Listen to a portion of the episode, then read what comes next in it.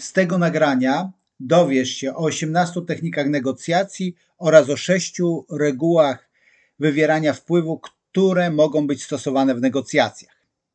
Jednak od początku chcę powiedzieć, jaka jest moja intencja. Podobno jest ponad 600 technik negocjacji, ja tutaj mam 18, ale nie chodzi mi o to, żeby je stosować. Jak chcesz, to oczywiście możesz, ale też chcę pokazać, w jaki sposób można się przed nimi bronić. Niektóre z tych technik uważam osobiście za agresywne albo nieetyczne lub po prostu słabe, jednak są one stosowane i ku mojemu zaskoczeniu działają. Oczywiście zapraszam do poprzedniego nagrania, gdzie mówiłem o czterech najczęstszych błędach w negocjacjach i nieodłączny od tematu negocjacji jest zdrowa własna samoocena związana z asertywnością, dlatego pod spodem jest kurs o asertywności. Ale teraz idziemy już do tematu, bo trochę nas dzisiaj czeka. Więc pierwsza technika, bardzo znana. Zły policjant, dobry policjant.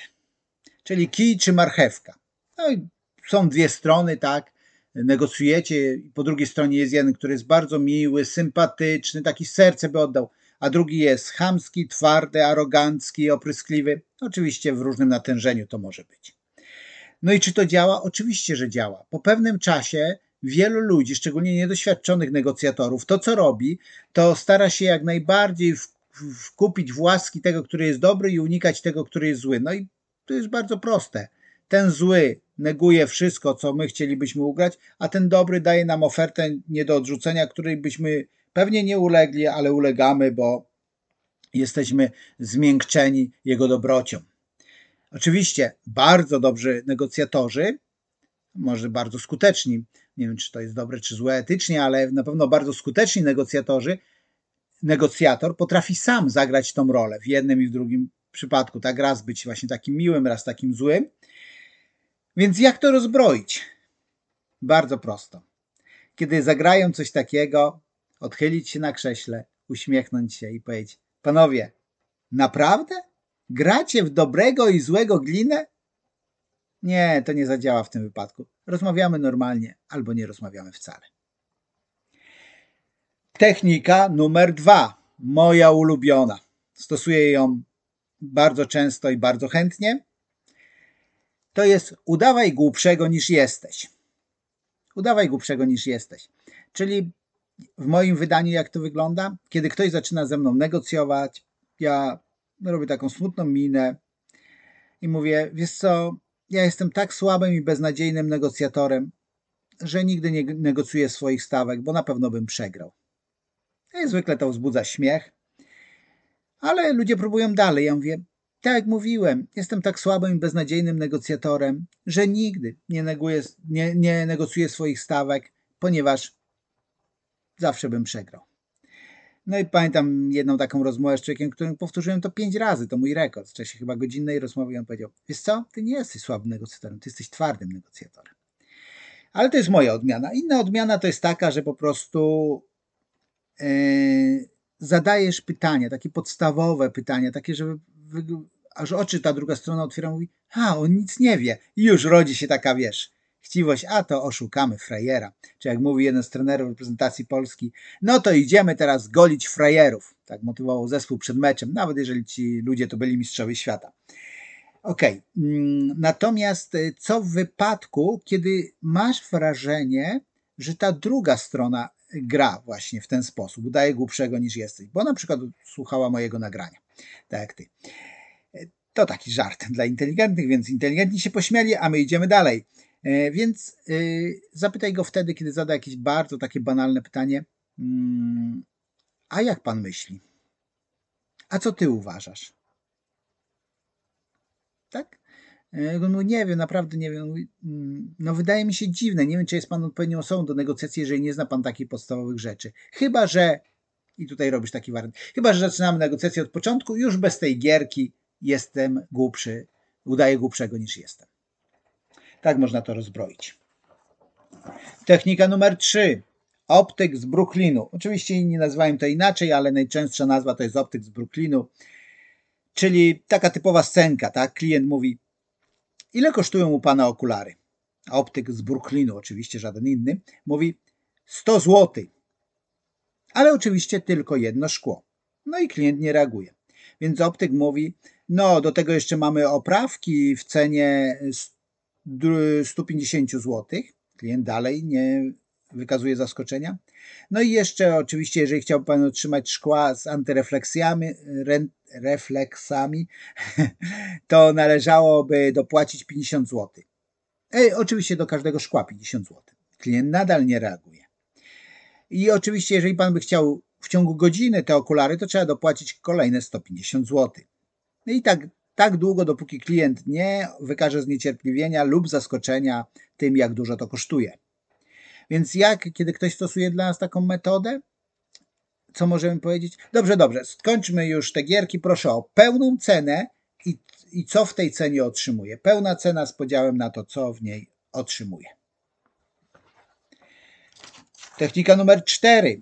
Pozorne ustępstwa. Czyli ktoś bardzo żarliwie negocjuje jakiś aspekt, na którym mu tak naprawdę nie zależy, natomiast, żeby ukryć coś, na czym mu zależy. Na przykład powiedzmy, że bardzo mu zależy e, na szybkim otrzymaniu zamówionych towarów, a mocno negocjuje cenę, która dla niego jest absolutnie akceptowalna.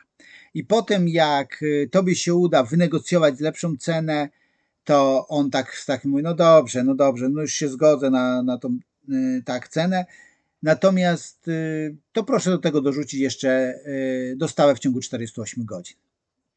Rozumiecie, takie pozorne ustępstwa, tak? I ta druga strona mówi, myśli, że coś ugrała, a tak naprawdę on chciał ugrać coś innego. Jaka tu jest technika? Y, no można powiedzieć, dobrze, gdybyśmy się zgodzili na tą cenę, to czy jeszcze jest coś, na czym Wam zależy? Można tak spróbować. Tak? Jeżeli to jest bardzo dobry negocjator, będzie szedł w zaparte, tak? tworzy ten iluzoryczny świat, że to chodzi tylko o cenę, a jeżeli, y, a często powie, no i oczywiście dostała w 48 godzin. I wtedy mówisz, dobrze, a gdyby dostała była w 48 godzin, czym na przykład możemy zostawić cenę? Hmm? Można spróbować. Technika numer 5. Obiecanki cacanki. Tak, mówiłem o tym trochę, już wspominałem w poprzednim nagraniu, czyli jak będzie, to będzie. Na przykład, yy, tak, tak, tak, na, następnym miesiącu zapłacę na czas. Yy, albo, yy, no teraz nie mogę, ale jak zrobię ten kontrakt, to później zawsze będę, zapłacę wam za rok z góry za wasze usługi. Co robimy? Mówimy, jak będzie, to będzie. Nie, czyli nie dajemy coś dlatego, że on coś obiecuje, tylko mówisz, ok, to zapłać w przyszłym e, miesiącu za rok z góry, natomiast teraz musisz zapłacić e, za tą partię towaru przed jej otrzymaniem. Oczywiście czasami możemy się na to zgodzić z różnych sytuacji, no jakby życie jest dynamiczne i pełne niespodzianek, natomiast wtedy robimy dwie rzeczy. Po pierwsze zapisujemy, to musi być zapisane i podpisane przez obie strony i druga rzecz, też chcemy coś w zamian. Też chcemy jakieś ustępstwo. Na przykład zapłacisz 1% więcej. Szósta, szósta technika, miażdżąca przewaga. Załóżmy, że ta druga strona w ogóle ma taką przewagę, nie wiem, wynajmujesz pomieszczenie i chcesz otworzyć sklep w galerii handlowej i oni absolutnie mają przewagę, tobie bardzo zależy na galerii, na byciu w galerii, a nie, nie masz nic. Nie ustępuj, wiesz, tak z góry biorąc wszystko. Negocjuj, ponieważ jeżeli duży gracz zobaczy, że ty nie nic nie negocjujesz, nie walczysz, to prawdopodobnie są tacy, których po prostu nie zatrzymasz. Oni coraz więcej i w końcu, wiesz, no to już dochodzi do absurdów. Więc nawet jeżeli to jest miażdżąca przewaga, to negocjuj. To walcz. Niech on też nie ma poczucia, że na wszystko godzi się łatwo, prosto i przyjemnie. Siódme. Rosyjski front lub też pozorny wybór, tak różnie jest ta technika nazywana, Podobno tak było na tak, taka sytuacja na rosyjskim froncie, że jak przychodziły wiadomości, tak, to obie wiadomości, które przychodziły do e, Hitlera, to obie były złe. Tak? E, więc tak samo tutaj przedstawiasz dwie propozycje niekorzystne, no i prosisz tą drugą stronę, żeby wybrała, która, niekorzystne dla nich oczywiście, żeby wybrała, która będzie dla niej lepsza. I to jest ten pozorny wybór. Co można wtedy zrobić? Wiecie, to jest technika, której gdzieś w emocjach, w tym napięciu, w tym jak nam bardzo zależy, tak mówi się, że w negocjacjach zawsze wygrywa ta strona, której mniej zależy, a przynajmniej która udaje, że jej mniej zależy. E, natomiast e, kiedy, kiedy e, ta, ta technika, jeżeli odłączymy te emocje i to nasze zaangażowanie, to bardzo prosto można ją rozbroić. Pamiętam, że jakiś czas to działało na, na jednego z naszych synów, którego na, który na przykład wolałby w upalne dni cały dzień hasać nago i kiedy e, pytaliśmy go, e, te majteczki ubierzesz, czy te majteczki ubierzesz, e, to on zwykle wybierał, ale po jakimś czasie pytaliśmy te majteczki, czy te majteczki, na co on odpowiadał, żadne. Technika numer 8. Wspólnik kod. To nazwałam z książek Kiyosakiego, który opisuje, że to jest jego ulubiona technika negocjacyjna, czyli yy, mówi, że no muszę porozmawiać o tym ze swoim wspólnikiem, no i następny dzień przychodził, tak, albo wychodził i gdzieś tam sobie dzwonił, a jego wspólnikiem był kot. Oczywiście nie był naprawdę formalnie wspólnikiem, ale tak sobie, e, tak żeby ściągnąć tą presję, że to on musi podejmować decyzje, tak żeby pokazać, że to nie od niego wszystko zależy i tak dalej. Tak? Kiedyś spotkałem się z taką osobą, która namiętnie mówiła zawsze, e, tak ustaliłem ze swoimi wspólnikami. Więc co można powiedzieć? Jak można to rozbrać? Można powiedzieć, OK, w takim razie kończymy te negocjacje i proszę, żeby przyszła osoba decyzyjna, albo żeby tobie wspólnicy dali de decyzyjność do, do, decyzyjność do podjęcia decyzji, tak? Sprawczość do podjęcia decyzji, yy, ponieważ inaczej to nie ma sensu, nasza rozmowa. Nie rozmawiają dwie kompetentne tak samo osoby. 9. Generowanie chaosu. Czyli to jest tak, że rozmawiamy o czymś i ta druga strona zmienia nagle temat, oczywiście temat związany z negocjacjami, ale na inny aspekt. Potem znowu inny aspekt. E, czasami mówi bardzo szybko, to już bardzo doświadczenie negocjacyjne, czasami bardzo wolno, czasami jest bardzo miła, czasami bardzo agresywna, ale nie dobry, zły policjant, czyli że w pewnych sprawach jest bardzo miła, w pewnych agresywna, tylko czasami w tych samych sprawach jest raz miła, raz agresywna. Po prostu jest chaos, totalny chaos. Co robimy z chaosem? Uporządkowujemy. To znaczy mówimy, ok, dobrze, trzymajmy się tego wątku, zapisujemy to, miejmy to na kartce. Nie chodzi nawet o to, żeby ta osoba podpisała, ale mamy kartkę i na kartce sobie zapisujemy. Ok, czyli jeżeli chodzi o cenę, to mamy takie warianty, to, to i to. Dobrze, teraz dopiero możemy przejść do czasu realizacji. Dziesiąta technika, bez dyskusji. Bez dyskusji. E, to tak na marginesie, kiedyś e, byliśmy z pewnej, osoby, która była na dyrektorskim stanowisku, e, byliśmy z moim znajomym E, znaczy to w trójkę, e, w, w, to nie było żadne biznesowe spotkanie, w trójkę jesteśmy znajomymi. Siedzieliśmy, tak, ale ten jeden, ten dyrektor, nazwijmy go tak, e, umownie, miał pewną książkę i ten mój znajomy pożyczył tą książkę. Za jakiś czas spotkaliśmy się znowu tego znajomego, a w międzyczasie ten mój znajomy oddał mu książkę gdzieś na jakimś innym spotkaniu prywatnym, tak mówię cały czas, to jest, nie jest kontekst biznesowy. E, no ale ten dyrektor, tak, o postawie dyrektorskiej na znajomy mówi do niego, e, słuchaj, kiedy oddasz mi książkę? On mówi, mm, ja już ci oddam książkę. Czekaj, nie dyskutujemy o tym, bo nie oddałeś. Ja pytam kiedy, ale, mówi, ale nie dyskutujemy. Ja wtedy patrzę, a za nim na półce ta książka jest. Więc podszedłem, wyciągnąłem tą książkę i mówię, o tej książce mówicie? Ten się zrobił bardzo czerwony i mówi, przepraszam. I taka jest sytuacja czasami właśnie, że ktoś nie chce dyskusji. Czasami to, to jest trudne, tak? E, na przykład y, nie wiem, e, wynajmujesz gdzieś lokal, e, ten lokal został odsprzedany, ale e, ten nowy właściciel przyjął ten lokal, ale mówi od razu: OK, płacisz nie po miesiącu, ale za miesiąc z góry. I to w ogóle nie podlega dyskusji. Możemy dyskutować o innych rzeczach. I czasami możesz podważyć to, czy to rzeczywiście nie podlega to dyskusji, ale jeżeli nie podlega to dyskusji, ten drugi gracz jest większy, to wtedy zobacz, co możesz ugrać. I mówisz, dobrze, rozumiem, no to stawiamy w trochę trudniejszej sytuacji. Czy w związku z tym, że płacę za miesiąc z góry, czy możemy, czy mogę zapłacić, nie wiem, o 5% mniejszy czynsz? Spróbować zawsze można. Technika 11. Presja czasu. No to jest moje ulubione, tak? Bank, gdzie mam od lat główny rachunek. E, I pamiętam, jak zakładałem firmę, to no, pierwsze trzy lata były fatalne i ja wtedy potrzebowałem jakichś pieniędzy, żeby przetrwać, żeby cokolwiek. No i Bank oczywiście mi nie dawał. Kiedy moja sytuacja finansowa się poprawiła, co bank widział na koncie, e, to od razu były telefony w stylu Panie Andrzeju, jest Pan wyjątkowym klientem i dla takich wyjątkowych klientów mamy wyjątkową ofertę, ale ta wyjątkowa oferta jest tylko w wyjątkowym czasie, czyli w ciągu nie wiem, tygodnia trzeba podjąć. E, I że taka oferta już się nie powtórzy. A więc możesz powiedzieć, stosując tą samą narrację, jeżeli jestem takim wyjątkowym klientem, to wyjątkowy klient na pewno nie jeden raz dostanie wyjątkową ofertę, ale z tej oferty w tym czasie nie skorzysta. Chyba, że przedłużycie mi czas albo dacie jeszcze lepsze warunki. Tak? Więc to jest, to czasami jest stosowane też w drugą stronę, tak, czyli kończy ci się na przykład oferta, dzwonisz do jakiejś sieci, na przykład komórkowej i mówisz, że e, prosisz działem utrzymania klienta, że chętnie byś tutaj został, że płacisz y, od dwóch lat regularnie, e, że nigdy nie było później w płatności, zostałbyś, gdybyś dostał lepszą ofertę. I często dostaniesz, bo wiedzą, że jak nie, to się wycofasz. Dwunaste technika, wydłużanie czasu. E, mam takiego znajomego, który kiedyś mi podpowiedział taką rzecz, że często w bankach, e, kiedy kończy się kwartał, a już szczególnie kiedy kończy się rok, to mm, ludzie chcą wyrobić limity, które mają do wyrobienia. Tak? Więc dyrektorzy takich placówek często są skłonni do ustępstw na zasadzie, że zrezygnujemy z prowizji, albo zmniejszymy prowizję, albo nie wiem, y, zejdziemy trochę, jeżeli chodzi o oprocentowanie, no różne rzeczy. Dlaczego? Ponieważ chcą wyrobić limity.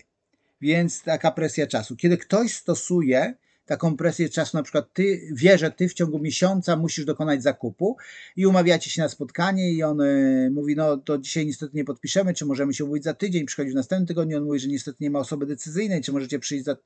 I mówisz, ok. I rozbrajasz to, mówisz, wiecie, że zależy nam na czasie. Dlatego, jeżeli nie zrobimy tego w ciągu 48 godzin, mamy, idziemy do konkurencji. I to jest ważne, że nawet negocjując, tak o tym mówiłem w poprzednim nagraniu, nawet negocjując, zawsze miej w tyle głowy albo na kartce, albo w Excelu, jakkolwiek wolisz, gdzie jeszcze możesz pójść, albo najlepiej negocjuj w kilku miejscach. To jeden z moich znajomych robił tak, że nawet w tym dużym mieście, tak, ten sam bank ma kilka siedzib, więc on chodził do kilku siedzib i, i nawet tutaj negocjował między tym samym bankiem, bo miał najlepszą ofertę, ale między siedzibami, która, która da mu najlepszą ofertę. Trzynaste, tak zwany krakowski targ, czyli spotykamy się w połowie drogi. Czyli ja chcę, ty chcesz 10 e, tysięcy, ja chcę 5 tysięcy, to 7,5 jest w połowie drogi. Oczywiście to tak w teorii dobrze brzmi, natomiast e, musisz patrzeć, czy rzeczywiście jest to dla ciebie opłacalne? I tutaj odwołam się, sorry, ale no jakby chcę to zrobić, bo to naprawdę jest potrzebne, czyli twoje batna, czyli jaka jest twoja alternatywa, odwołuję się do poprzedniego nagrania i też twój cel, czyli maksymalny cel, jeżeli maksymalnie chcesz ugrać 10, e, a minimalnie 6, a ktoś proponuje 7,5 i ty na przykład masz presję czasu albo widzisz, że poza nim nikt inny się nie zgłosił, no to być może będzie to dla ciebie korzystne, ale ty musisz to wiedzieć, musisz być dobrze przygotowany do negocjacji. Czternasta technika japońskie tortury. E, czytałem, że oczywiście w dawnych czasach Japończycy w taki sposób torturowali, że robili ci małe nacięcia na ciele. No takie małe, jak na przykład, nie wiem, kartką papieru byś się skaleczył, skaleczył rękę. No jak gdzieś tam na przecięciu to jest to e, tak miejscu, które często zginasz w ręce, to bardzo boli, no ale idzie z tym żyć, w ogóle nie idziesz do lekarza, dezynfekujesz albo nawet nie. Natomiast oni robili takich nacięć tysiące na ciele. Każde pojedyncze byłoby do wytrzymania, ale było ich tak dużo, że ludzie bardzo cierpieli i wykrwawiali się. I to jest jedna z takich technik, szczególnie używanych pod koniec negocjacji, kiedy już schodzi to ciśnienie, kiedy już wydaje, że się dogadaliśmy i tylko mówisz jeszcze tak, e, okej, okay, to jeszcze może tak, no dobrze, to ja bym wynajął to mieszkanie w tej cenie, ale jeszcze poprosiłbym tutaj o, y, o to, bo nie ma lodówki, żeby lodówka była no i ty myślisz, dobra, na lodówkę się zgodzę. No dobrze, ale jeszcze tutaj chciałbym, żeby e, jeszcze może meble, jeszcze coś i ty nagle myślisz sobie, o nie. Więc e, co robić? W momencie, kiedy to jest końcówka, kiedy ktoś robi małe, drobne ustępstwo, ponieważ już się dogadaliśmy, nie rób tego. Podobno e, Donald Trump, kiedy jeszcze zajmował się przede wszystkim biznesem, to miał taką metodę negocjacji, no, taka książka negocjacji według Donalda Trumpa, którą napisał jego prawnik, że on był takim miłym, sympatycznym, ciepłym wujkiem, który dogadywał się z kimś i mówił, no to super, jesteśmy dogadani, przybijali piątkę, a teraz wchodzili prawnicy i przez kolejny rok zażarcie walczyli. Więc przypominam przy tej technice japońskiej tortury bez ustępstw. E, technika 15. Drobne kroki. Czyli mm, jeżeli wiesz, że dużej rzeczy byś nie wynegocjował, to robisz to drobnymi krokami. To jest podobne do japońskiej tortury, tylko japońskiej tortury to jest moment, kiedy już jesteśmy dogadani wtedy, a to jest technika w trakcie. Czyli chcesz ugrać coś jeszcze, na przykład, y, żeby w salonie nie, nie wiem, robisz wynajem albo coś i chcesz, żeby AC za ciebie zapłacili, chcesz mieć przeglądy za darmo i coś jeszcze i wtedy y, po prostu co jakiś czas dokładasz. Jeden drobny krok, drugi dobry, to może chociaż połowę AC. Dobrze, za jakiś czas negocjujecie dalej, ty coś ustąpiłeś. Dobrze, no to może wyście całe AC wzięli na siebie i tak drobnymi krokami jesteś w stanie dojść. I to można też w drugą stronę stosować, yy, czyli mm, w momencie, kiedy ktoś ci przedstawia, to z mojej branży, tak, salę szkoleniową wynajmujesz, nagle koszt jest, na stronie jest tam, załóżmy, 1000 zł za dzień, a nagle on ci daje koszt 1980. I mówisz, ale jak to? No to pełen koszt, gdzie catering, gdzie wszystko. No mówi, dobrze, a czy można to rozbić na czynniki pierwsze? I nagle patrzy, że tutaj jest obsługa. Mówi, dobrze, a gdybyśmy nie mieli obsługi przy tym cateringu, czy cena mogłaby pójść w dół? No właśnie. A w co momencie, kiedy ktoś takimi drobnymi krokami ty się na tym łapiesz, to dobrze mieć w czasie negocjacji kartkę, gdzie zapisujesz swoje ustępstwa, tak? I mówisz, wie pan co, no tak, ustąpiliśmy, że połowę AC, my zapłacimy połowę wy, a teraz już się okazuje, że my nagle całe, no właśnie, kontroluj to, bo łatwo to przeoczyć. Szesnasta technika i zbliżamy się powoli już do, do, do, do końca. Obniżanie oferty. Czyli ktoś mówi jakąś ofertę, mówi, nie, no proszę się nie wygłupiać, to w ogóle, e, czyli na przykład nie, dzień szkoleniowy kosztuje 5 tysięcy, nie, no proszę się nie wygłupiać, w ogóle to zaczynamy rozmowę od tysiąca za dzień szkoleniowy. E, czyli ktoś w ogóle całkowicie przestrzela i mówi, to w ogóle nie wchodzi w grę. No i teraz ta druga, to jest taki też test, tak? Czy ta druga strona mówi, no dobrze, no to bo zwykle ta druga strona wie, że ten tysiąc to raczej nie przejdzie, ale dobrze, no nie, no tysiąc to jest oczywiście przesada, ale za cztery mogę poprowadzić. No to już wiesz, że jest coś negocjowalne. Natomiast moje ulubione w takich przestrzelonych ofertach, no nie, no szanujmy się. W moim przypadku to wygląda to tak, że jak już rozmawiamy, to wcześniej dostali ofertę. Nie no, szanujmy się, ja już wysłałem swoją ofertę, no w takim wypadku to nie traktuję tego osobiście, no ale to ja traktuję te, ale można by to, pod, zawsze tak mówię, nie traktuję tego osobiście, ale można by to potraktować jako brak szacunku. Jeżeli chcecie zapłacić mi 20% tej sumy, to znaczy, że nie wierzycie w wartość tego, co daję, więc nie wiem, czy jest sens w ogóle rozmawiać. Oczywiście nie zawsze możesz sobie na to pozwolić. Ja cieszę się, że już jestem w sytuacji, kiedy mogę. Siedemnasta, przedostatnia technika, brak środków. Czyli to często taki negocjator mówi, że no jest pan wspaniałym sprzedawcą, no przekonał mnie pan, no to jest niesamowity produkt, no ja w ogóle e, bardzo bym chętnie, zresztą ja bym polecił to swoim znajomym, ja na mediach społecznościowych to opublikuję, niestety nie mamy tyle pieniędzy. Więc warto jest, ja czasami tak robię, jak ktoś się zgłasza i widzę, że tak coś kręci, a panie Andrzeju, a ile jedne szkolenia, ile coś, ja mówię, dobrze, postawmy sprawę wprost, jaki macie budżet? Często krępujące pytanie, bo takie rzeczy się nie pyta, eee, jaki jest rząd wielkości w ogóle? No bo jakby w pewnym momencie to nie, nie, nie ma sensu. Dlatego ja, jeżeli ktoś pyta, daję mniej więcej orientacyjne ceny, żeby człowiek wiedział, że oczywiście to nie jest oferta, ale jeżeli zaczynamy tylko, ktoś wysyła na przykład pierwszego maila, mówię, ale to jest rząd wielkości, żebyście mniej więcej wiedzieli i e, możemy rozmawiać wtedy dalej. Tak? No bo dlaczego? Bo na przykład jestem w stanie poprowadzić szkolenie w jakiejś określonej sumie, ale jeżeli chcesz, żeby do tego szkolenia jeszcze było na przykład y, testy zrobione wcześniej, no to dodatkowy koszt. Jeżeli dodatkowa sesja, to tak. Jeżeli do tego jeszcze dochodzi y, indywidualne y, konsultacje po szkoleniu, no to dodatkowy, tak? Jakby możesz wziąć pełen pakiet, możesz zapłacić z góry, możesz wziąć ograniczony, tak? Możesz wziąć basic, medium albo master poziom, no musimy tutaj e, pokazać, że są różne możliwości, ale jeżeli ktoś tak e, nie gra finansami, no to możemy też powiedzieć, no my nie ustępujemy, to jest biznes, jeżeli proszę, chętnie dziękuję za te miłe słowa, tak, ale proszę przyjść wtedy, kiedy będzie Pan miał budżet i proszę się liczyć z takim a takim budżetem minimalnym. I ostatnie arbitraż, czyli włączenie trzeciej strony, czyli kiedy dwie osoby dyskutują na przykład no, o wycenie nieruchomości, to wtedy można wziąć taką zewnętrzną osobę, ale to po pierwsze, obie strony muszą się zgodzić na tą zewnętrzną osobę, taką samą, a y, kiedy ta osoba przychodzi, też musimy ustalić, kto za to płaci. Najczęściej to jest po 50%, tak, jedna i druga strona. Więc ta trzecia strona, no i oczywiście musimy gdzieś mieć to podpisane, zapisane, że arbitraż mm, będzie na przykład zobowiązujący, albo nie będzie, tak, no ale to wszystko trzeba ustalić przed, a nie po. Więc to jest te 18 technik, jak tutaj się bronić. E, przypominam, że tam mm, pod tym nagraniem znajduje się link do kursu asertywności. Asertywność, czyli sztuka szanowania swoich granic, drugiej strony szanowania siebie i drugiej strony bardzo pomaga e, w odpowiednich negocjacjach. A teraz jako bonus do tego nagrania e, pokażę sześć reguł wywierania wpływu Cialdiniego, jak można je stosować w negocjacjach, a przy okazji, jeżeli dotrwali do tego momentu, mój wielki szacunek i proszę zasubskrybuj, polub, udostępnij innym. Więc reguła numer jeden to jest reguła wzajemności.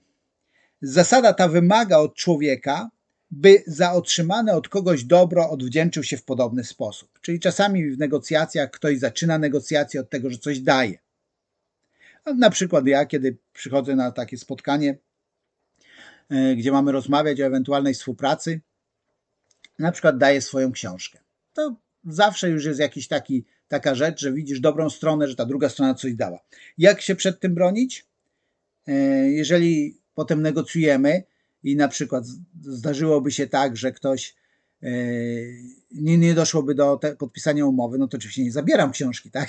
Ale też byłoby słabe, gdybym używał takiego pretekstu, że e, ja oczywiście to trywializuję, ale żeby trochę, bo było dużo poważnych rzeczy, żeby trochę na wesoło też to potraktować, e, że to nie będzie tak, że negocjujemy, ja mówię, no dałem panu książkę za 40 zł, a pan nie chce się zgodzić na ustępstwo za 4000, to by było słabe, ale kiedy ktoś takie coś stosuje, to mówimy, ok, rozumiem, że jesteśmy mili, rozumiem, że pan postawił ten obiad, ale myślałem, że to jest z pana sympatii, a nie, że to jest część naszych negocjacji. Tak się nie umawialiśmy.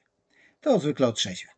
Drugie, zaangażowanie i konsekwencja. To jest to, co często jak się grasz na giełdzie, tak? Szczególnie początkujący gracze, wrzucasz jakieś pieniądze w inwestycje i to spada i oczywiście spadło poniżej tego progu, w którym e, ty miałeś sprzedać, ale myślisz, nie, no nie sprzedam, to się na pewno odbije, to spada coraz bardziej, a ty mówisz, to się odbije, to się odbije. No właśnie. Im więcej jest, zasada tu jest taka, im więcej jest zaangażowania w danym działaniu, tym trudniej z niego zrezygnować. E, jak się przed tym bronić, kiedy już widzimy, że ktoś nas wciąga, że kolejne negocjacje, kolejne i w końcu ktoś używa argumentu typu nie no, szkoda by było już tracić ten czas, skoro już tyle osiągnęliśmy. Często nic nie osiągnęliście, tylko że dużo czasu było zaangażowanego i energii. I teraz moment otrzeźwienia brzmi tak. Odpowiedz sobie na pytanie, czy gdybyś wiedział to wszystko, co wiesz teraz, czy jeszcze raz podjąłbyś taką decyzję i włączyłbyś się w te negocjacje? Ta odpowiedź będzie kluczowa. Trzecie, społeczny dowód słuszności. Czyli tu jest taka zasada, w to, co wierzą lub zachowują się inni ludzie, często stanowi podstawę naszej decyzji. Czyli ktoś mówi, e, badania pokazują, inni klienci, większość naszych klientów. No odpowiedź jest prosta. Ja nie jestem większością, ja nie jestem jak inni, ja nie wiem nawet, czy to jest prawda. Tak, jak to jedna z past ciągle reklamowała, że e, pokazywała pastę i że tam 9 na 10 dentystów poleca naszą pastę. Ja przez lata oglądając tą reklamę, ja już się modlę o nawrócenie tego jednego, żeby to już 10 na 10. I tak mnie zastanawia, dlaczego ten jeden nie, nie, e, nie. Może dostał za małą sumę. A tak szczerze to myślę, że nie było żadnych dentystów. No ale rozumiesz, e, musisz to pokazać. Ok, to, że inni tak robią, w porządku. Natomiast ja jestem ja i podejmę samodzielnie decyzję. Czwarte, lubienie i sympatia.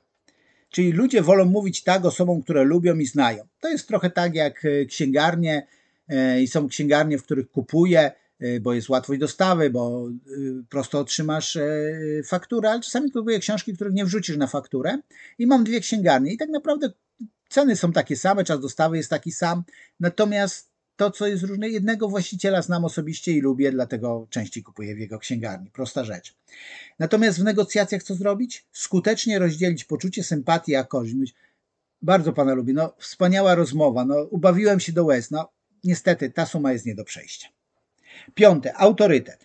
Zasada człowiek automatycznie jest posłuszny wobec tych, których uznaje za autorytety.